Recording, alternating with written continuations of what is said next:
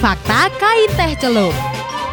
Pagi-pagi dingin gini enaknya buat teh manis hangat lah ya kan? Iya, Ted. Betul itu. Dingin kali kurang sini loh. Ih, kau cok bisa-bisanya nyahut. Kan kita sehati loh, Ted. Cemana ya kau? Apa yang sehati? Hmm, enggak Prof. Oh iya, ini Prof teh manis hangatnya buat sarapan. Loh, punya aku mana, Ted? Itu kan udah ada. Manja kali.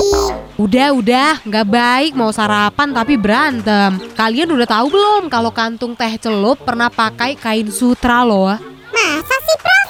Dulu, seorang importer teh Amerika tahun 1908, Thomas Sullivan, mengirim teh ke pelanggannya menggunakan kain sutra. Karena kesalahpahaman si pelanggan, maka dia buat deh teh tanpa harus dikeluarin dari kain sutra. Dan ternyata pelanggan Thomas Sullivan lain juga minta teh yang sama dibungkus dengan kain sutra. Dan karena serat kain sutra terlalu kecil, Thomas ganti dengan kain kasa.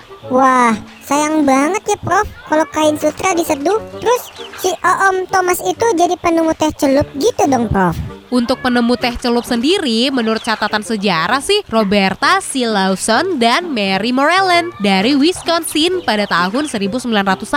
Yang mana tujuannya adalah untuk mengurangi sampah ampas daun teh. Dan pada saat itu terbuat dari kain jala yang dijahit. Dan seiring berjalannya waktu, teh celup mengalami perubahan pembungkusannya. Ada yang pakai kain tipis, kain kasa, kertas fiber, hingga kertas berulang. Wih, berarti udah lama